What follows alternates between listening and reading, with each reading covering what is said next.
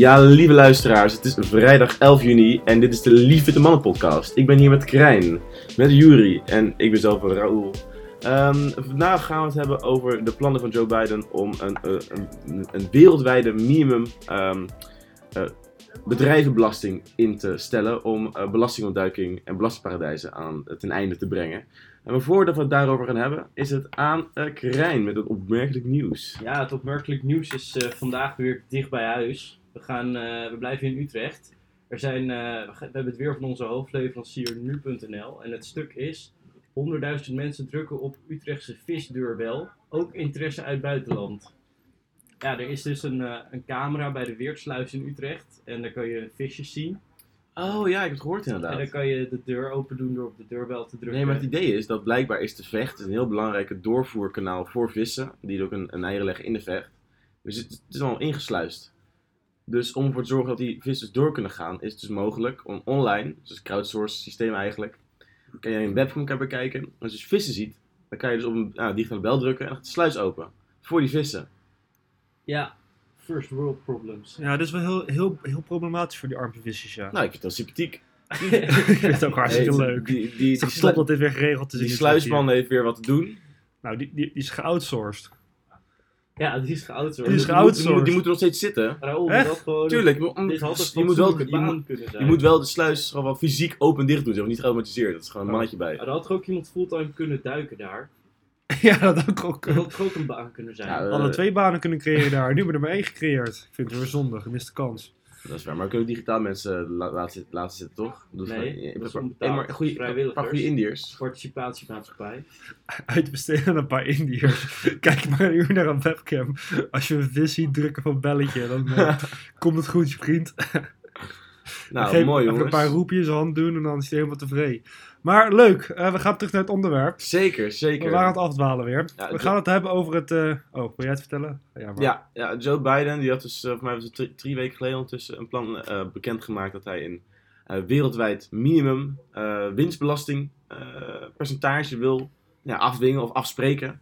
Want voor, nou ja, in onze huidige ge- geglobaliseerde wereld is het voor heel veel eh, landen een ontzettend probleem dat eh, vooral grote multinationals bijna alle winstbelasting kunnen wegsluizen naar het buitenland.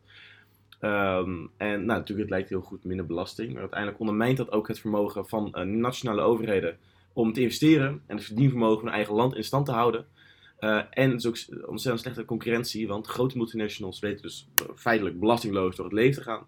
Terwijl kleine nationale nou ja, start-ups en bedrijven moeten eh, niet mee kunnen concurreren met een vooral belasting dat vooral gewoon geen belasting.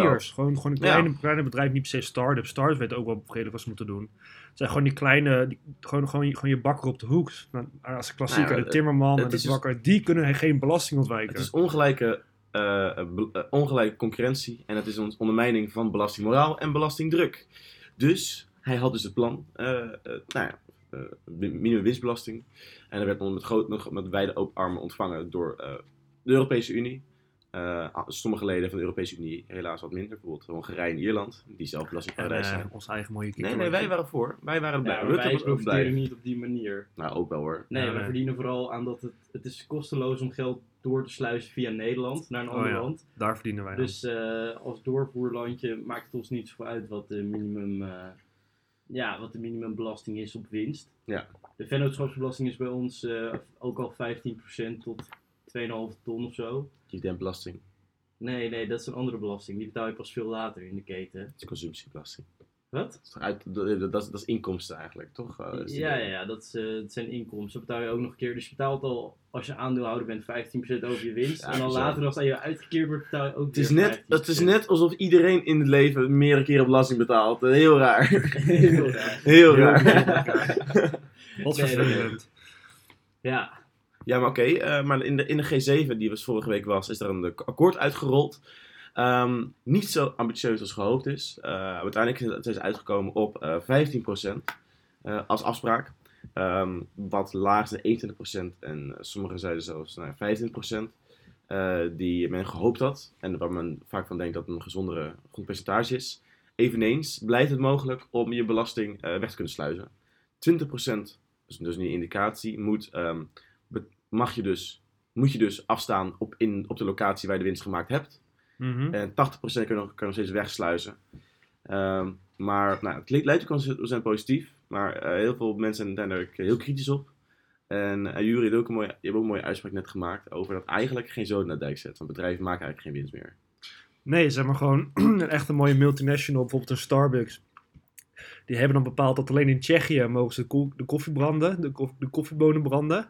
Dus alleen Tsjechië heeft dan het recht ertoe om koffiebonen te branden. En dat is evenveel als de hele winst van heel Europa, Starbucks Europa, evenveel als de kosten om die speciale koffiebonen te branden in Tsjechië. Ja, Juri, ik vind nu dat je dit bagatelliseert. Ik bedoel, die koffiebonen die kunnen ze nergens zo Nee. branden als in Tsjechië. is waarschijnlijk ergens in de buurt van Praag staat een hele mooie brander, zo'n koffiebrander. Die, Ja. Alleen daar kunnen die speciale Starbucks bonen gebrand, wo- Maar worden. Starbucks is dus gewoon afhankelijk van dat, eh, die firma Ja, in, in eh, Tsjechië. in Tsjechië die toevallig Star- Starbucks Tsjechië. Ja. En Starbucks Tsjechië maakt zo dure prijs dat het evenveel is als de hele winst die Starbucks Europa maakt in Europa. Ja, de onderhandelingen zijn gewoon een beetje stroef verlopen. En, Ja, eh, daar zit er een, eh, zit er een hele goede het komt dan onderhandelaar. net goed uit dat je in Tsjechië eigenlijk helemaal geen winstbelasting betaalt. eh, over je Starbucks Tsjechië winst. Over je technologie die je hebt, die je bezit, betaal je daar geen belasting over. Dan komt het denk ik heel goed uit. kan je allemaal afschrijven. En als je, als je dan weer naar Nederland toe gaat met je patent voor die speciale, eh, speciale bonen te branden of om speciale bonen te laten groeien, nou, is ook weer een hoop kosten voor, voor eh, Starbucks Europa om dat aan een, aan een Starbucks Nederland te ja, het is gewoon betalen. een moeilijk verdienmodel. Ja. Nou, eh, Zit Starbucks tegen. apologisten. eh. Maar het ding is, zeg maar, al- zeg maar, als, je, als je een beetje goede accounts hebt bij je multinational, als je het een beetje op, op orde hebt, dan zorg je gewoon altijd voor die gewoon geen winst maakt.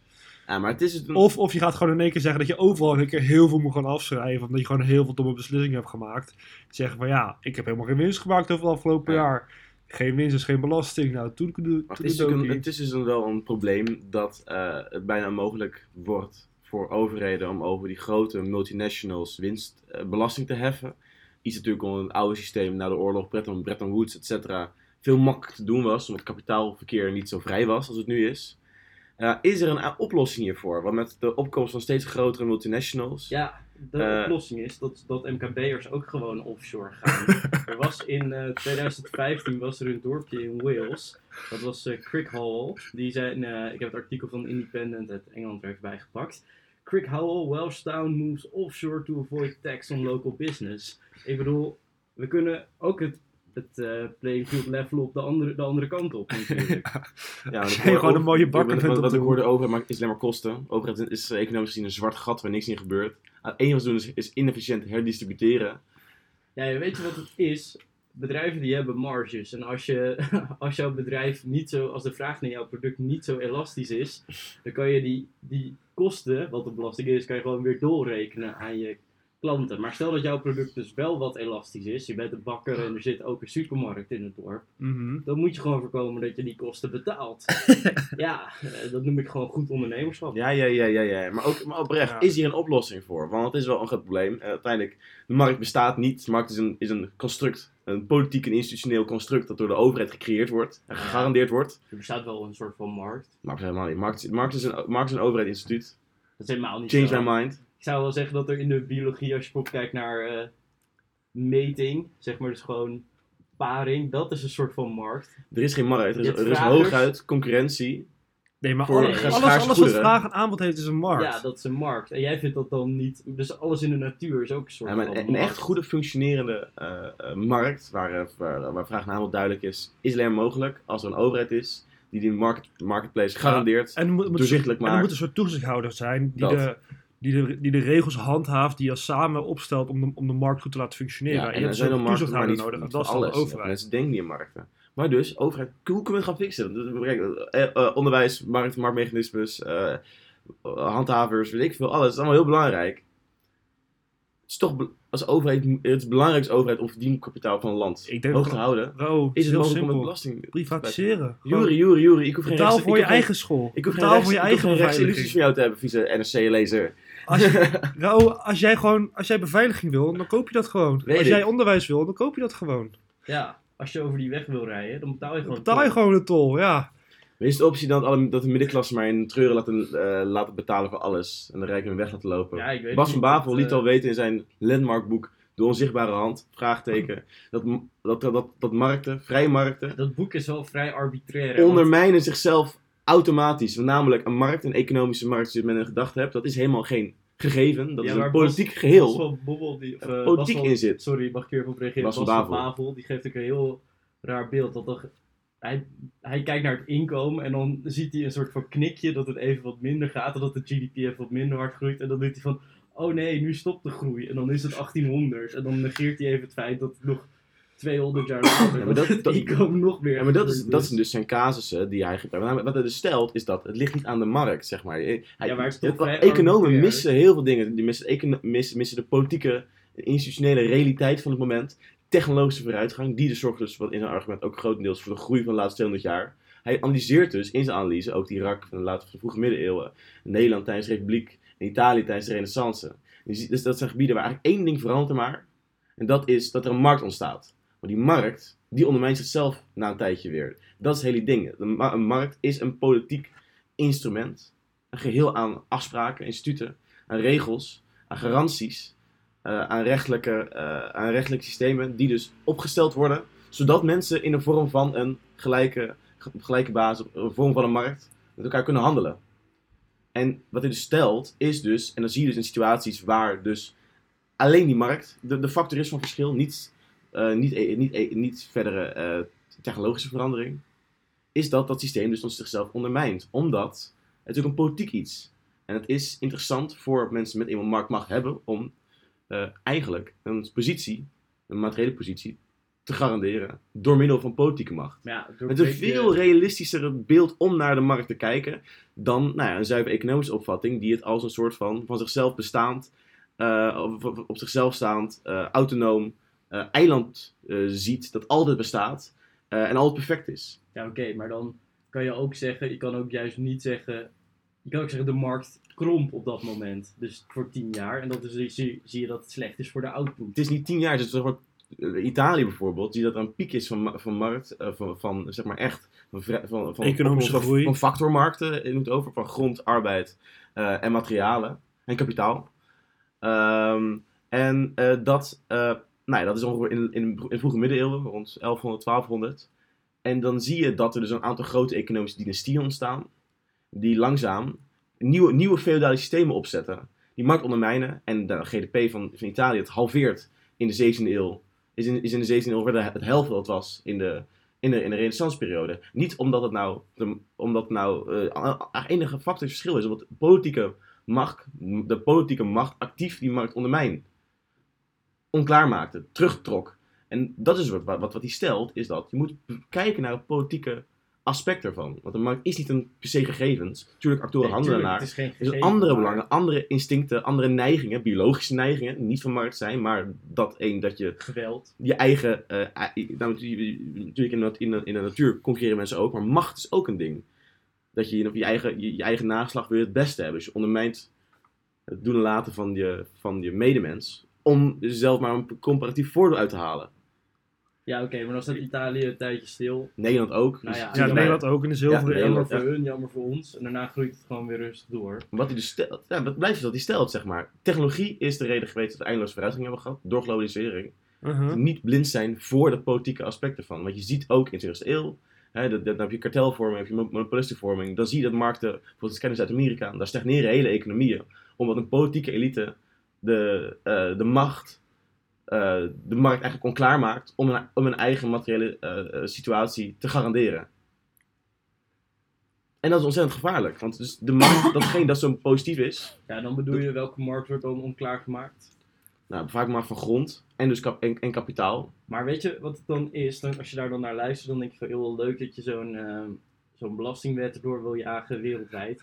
Prima, maar als je marktmacht wil beperken, dan moet je gewoon doen wat er met Rockefeller gebeurd is. En die bedrijven gewoon Gewoon opbreken. opbreken.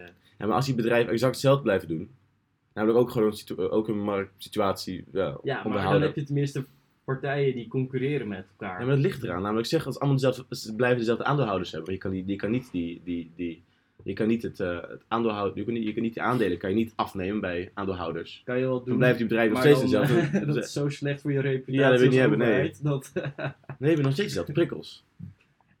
ja, Maar- is dat zo? Ja, maar we zitten nu heel erg over het idee van wat een markt is. Zullen we eerst gewoon beginnen over... even teruggaan naar de, naar de wet. Of nou, de, de nieuwe regel van 15% Oh ja. eh, minimumtarief van bedrijven. over Ja. de winstbelasting. Want we hebben nu een heel leuk gesprek gehad over de markt.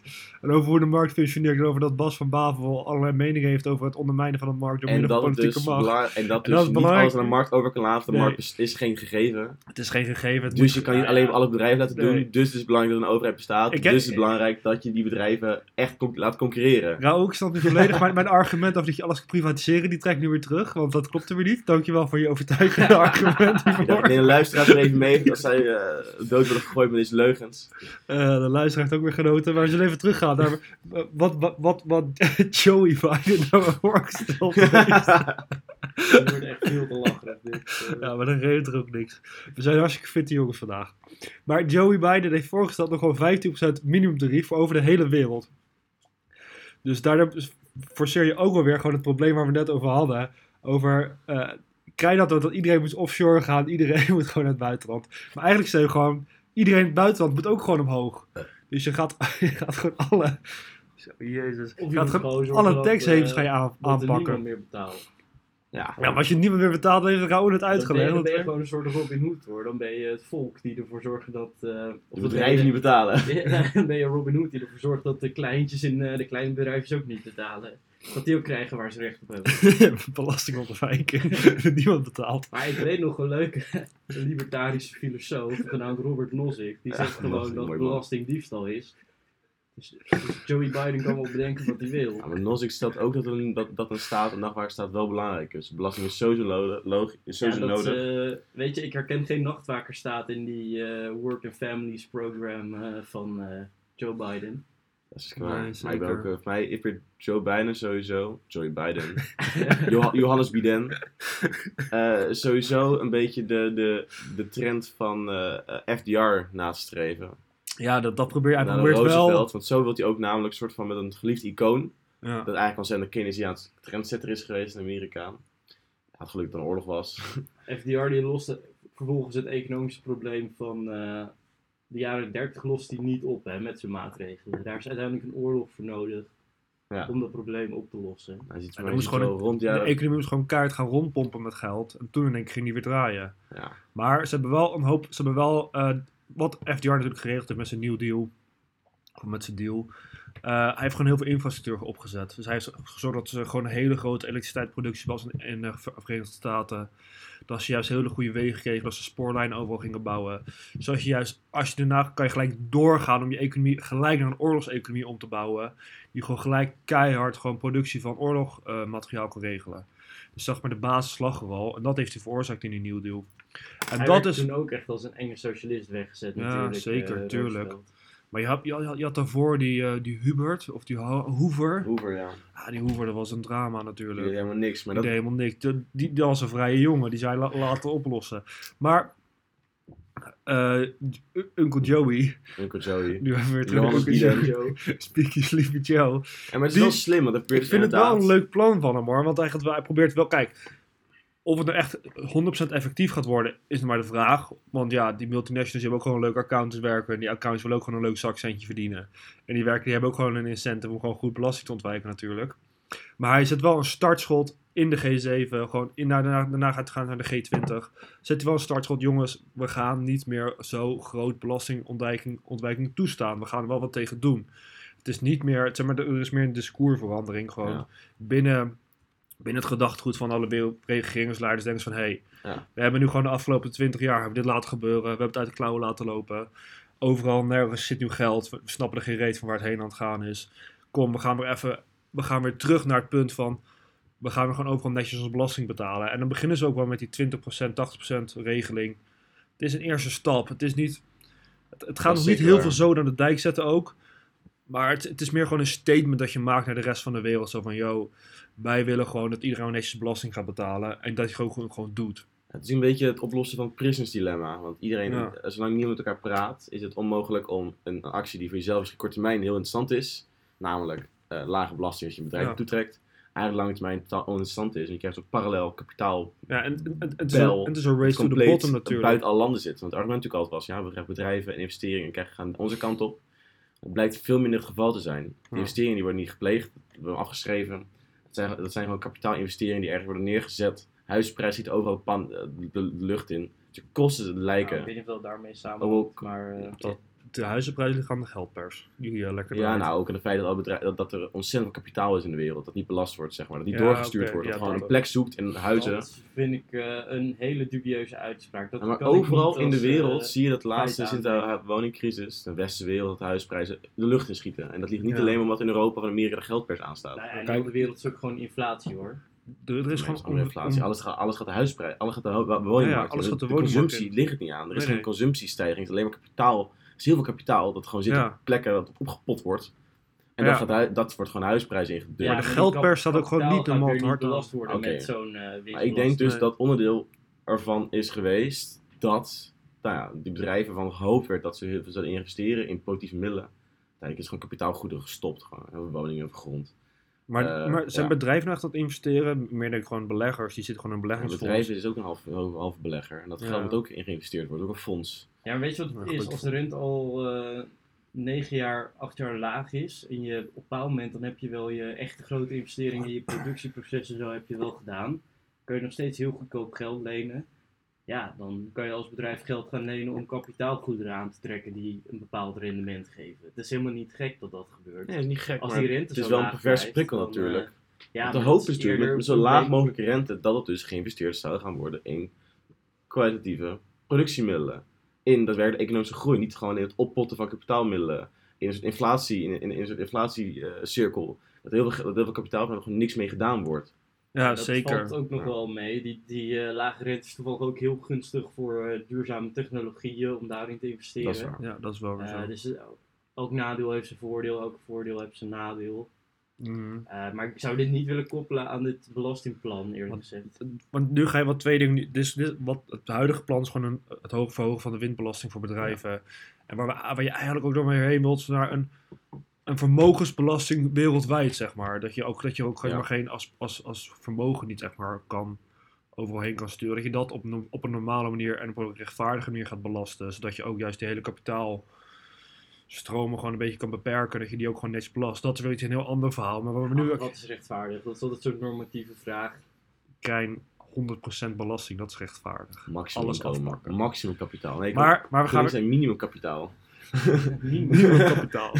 Ook Iedereen, maximum. iedereen een ton. Minstens. Maar bij twee ton is weer de max. Zoek het uit. Nee, maar... eh, we, gaan, we, gaan, we gaan helemaal de ellende in. Nee, maar deze is gewoon... Collectief fire. Financially independent. het? Retire early. Zit op je poenen, blijven zitten. Helemaal niet. Uh, Jawel, zit die- gewoon in productiegoederen. ja, terwijl jij maar zit op je reet. Maar prima. We gaan weer terug. Kijk, die... Lieve luisteraar, we zijn allemaal een beetje brak. Maar Dus de de, scherpte is, de scherpte is er een beetje vanaf misschien.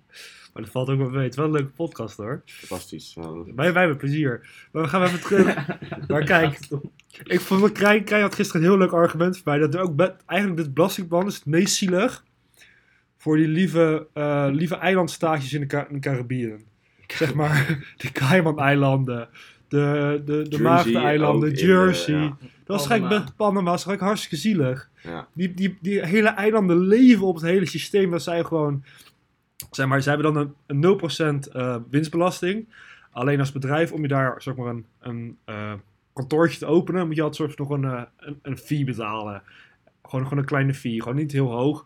Maar alleen op die fee kunnen ze een hele economie, een hele overheidssysteem kunnen ze natuurlijk in, in de lucht houden. Ik als vind het dit- altijd zo typisch dat eh, wanneer het gaat over verlaging van belastingen, altijd, altijd, altijd gericht wordt over eh, totale utility, totale BNP-groei van de hele wereld. Mhm. En dan mag dan een aantal i- individuen mogen daarvan versneuvelen. Maar zolang het plotseling over verhoging gaat en over een, over een utility via een ver- belastingverhogende weg, dan plotseling komen de emotionele verhalen naar buiten over de, wie, gaat de luxe, wie gaat de luxe jachten nou bouwen. ja. de personen. En eh, het is wel heel zielig dat die dubbel belasting betaalt.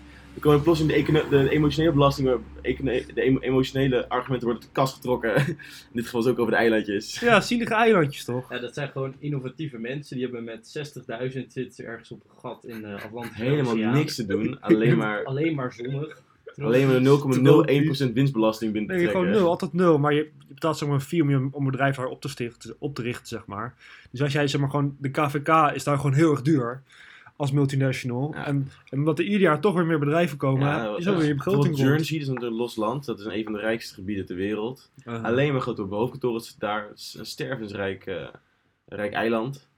Ja, die niet te bestaan. Moet gewoon weer een lekker vissersdorp worden, zoals het hoort, zeg maar. Dit is toch ze weer waardeloos. lekker matten met al die Britse vissers over de rechten. En, eh, Nee, maar ze vallen onder het Britse water, dus dan gaan ze weer samen met, met de Britse marine vechten tegen de Ja. Franse marine. oh ja, zo Maar ze zijn wel humor. zeg maar, net onafhankelijk genoeg, net als de Isle of Man, dat ze dan wel een eigen, eigen premier hebben, eigen, eigen eh, Eigen parlement. dat. parlement.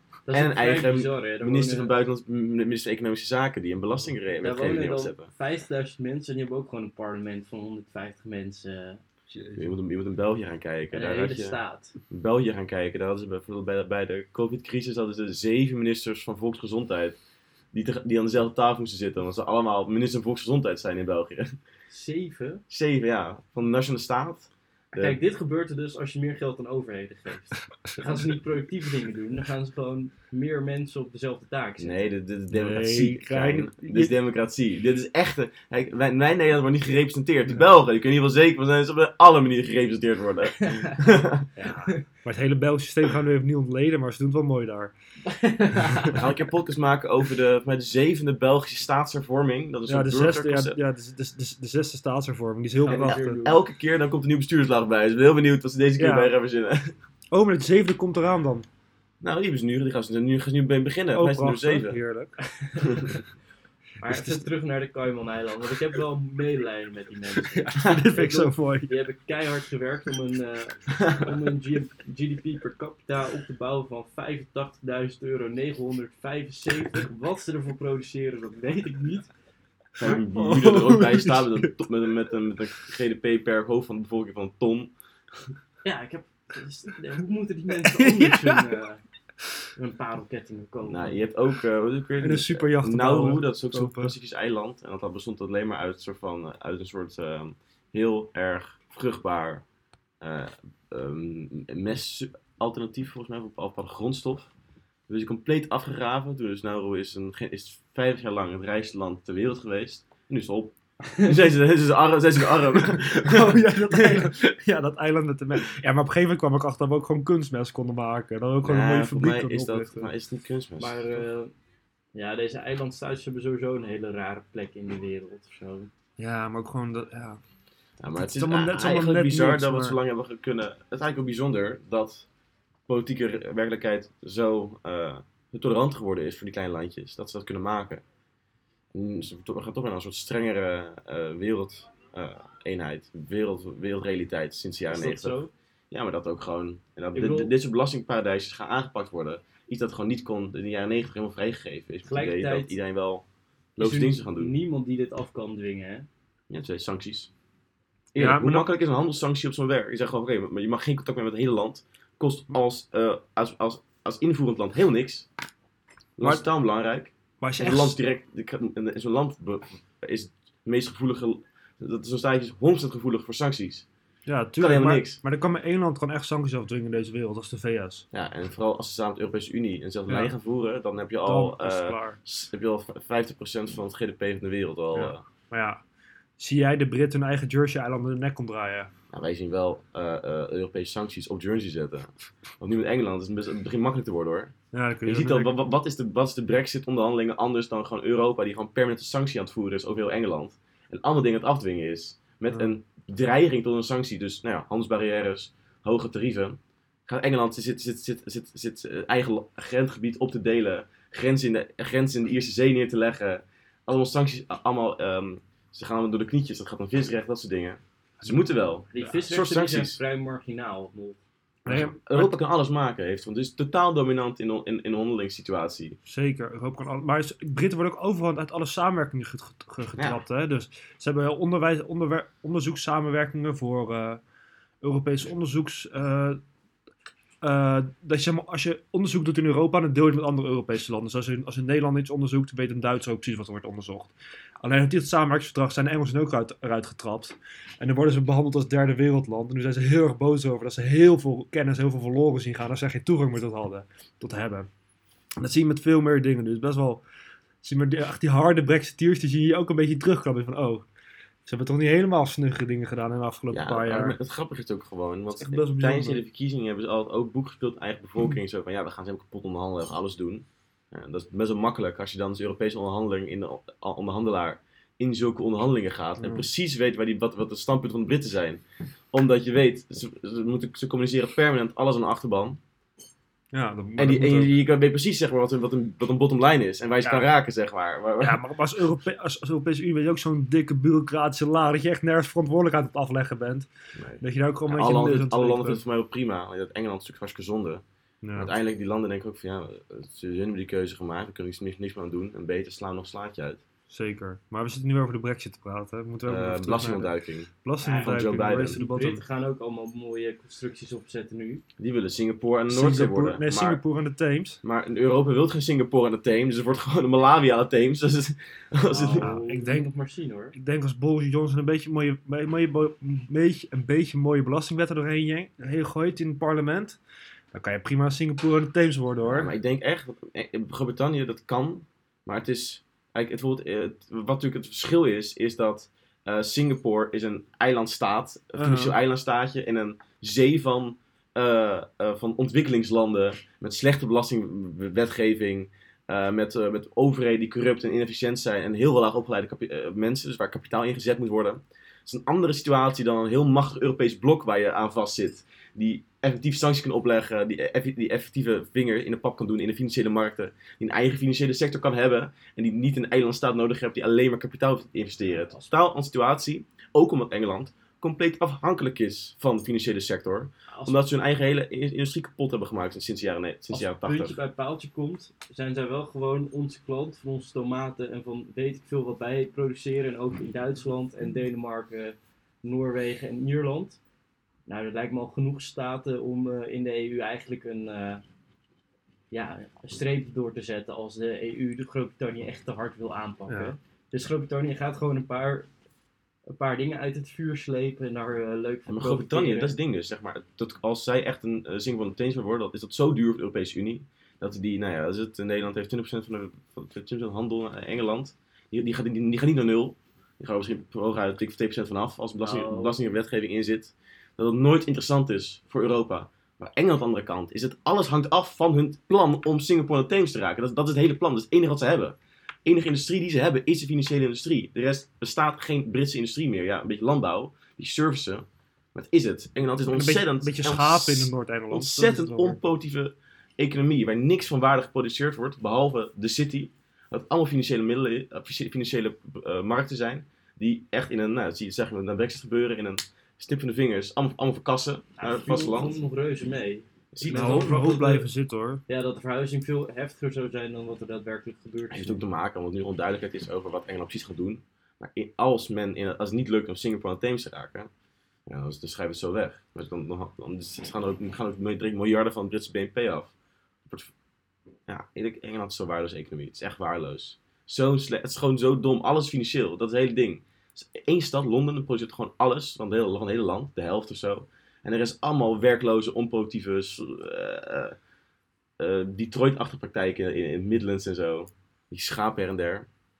Dus het gaat niks worden. Ik weet niet, het is wel een heel, Ja, heel negatief beeld. Ja, Ook een heel pessimistisch beeld van Engeland. Ik ben heel voor, voor Duitsland. Want dat is, gewoon, dat is goed gemanaged zeker. Ja, want daar gaat ook lekker. Dan heb je ineens internet als je in een, als je in een boerenprovincie rijdt. Engeland wel dan. en daar, in Duitsland heb je... Alleen, in- als je in Duitsland, als je vanaf Bonn naar Keulen gaat in de trein, kan je niet eens meer bellen. Want drie keer valt je verbinding weg, gewoon met je telefoon.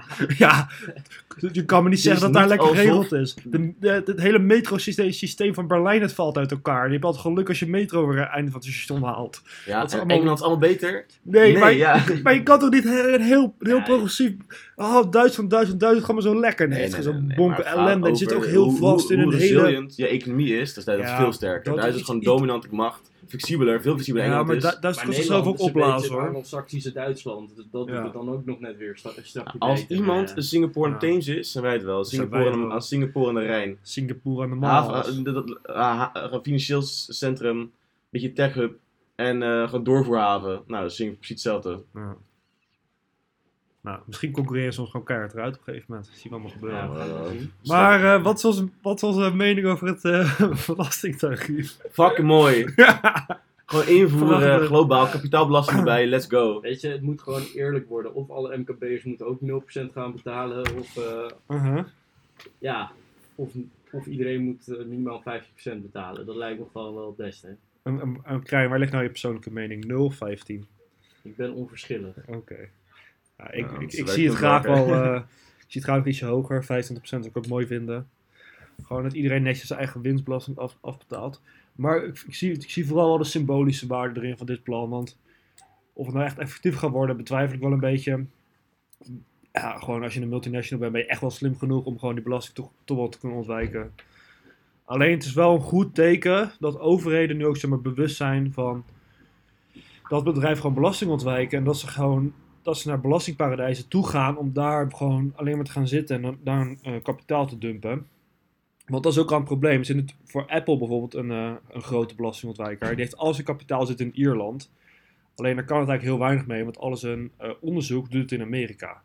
Dus het is heel lastig om, om eigenlijk al je kapitaal, om dat weer te kunnen investeren in je onderzoekscentrums in Amerika. Dus dat moet ook een keer, daar, daar zijn ze ook af en toe, om, om de tien jaar is er ook altijd zo'n regeling dat je al je kapitaal voor een heel laag bedrag, kan je in één keer naar, allemaal naar Amerika toe sluizen. Dus dat is weer, ehm, Onderzoek kunnen doen. ze onderzoeken doen, dat je weer kan investeren in je eigen technologie en zo. Dus daar moet, misschien, daar moet ook nog iets voor gevonden worden. Dat zeg maar, bedrijven niet hun kapitaal in die belastingparadijzen houden. Maar dat ze ook weer doorvoeren naar de landen waar het, eh, waar het onderzoek gedaan wordt, waar het uitgegeven wordt. En hopelijk gaan ze daar ook rekening mee houden als zij een minimumtarief gaan opstellen voor wereldwijd. Zodat het, belasting, zodat, zodat het geld niet opgepot blijft zitten.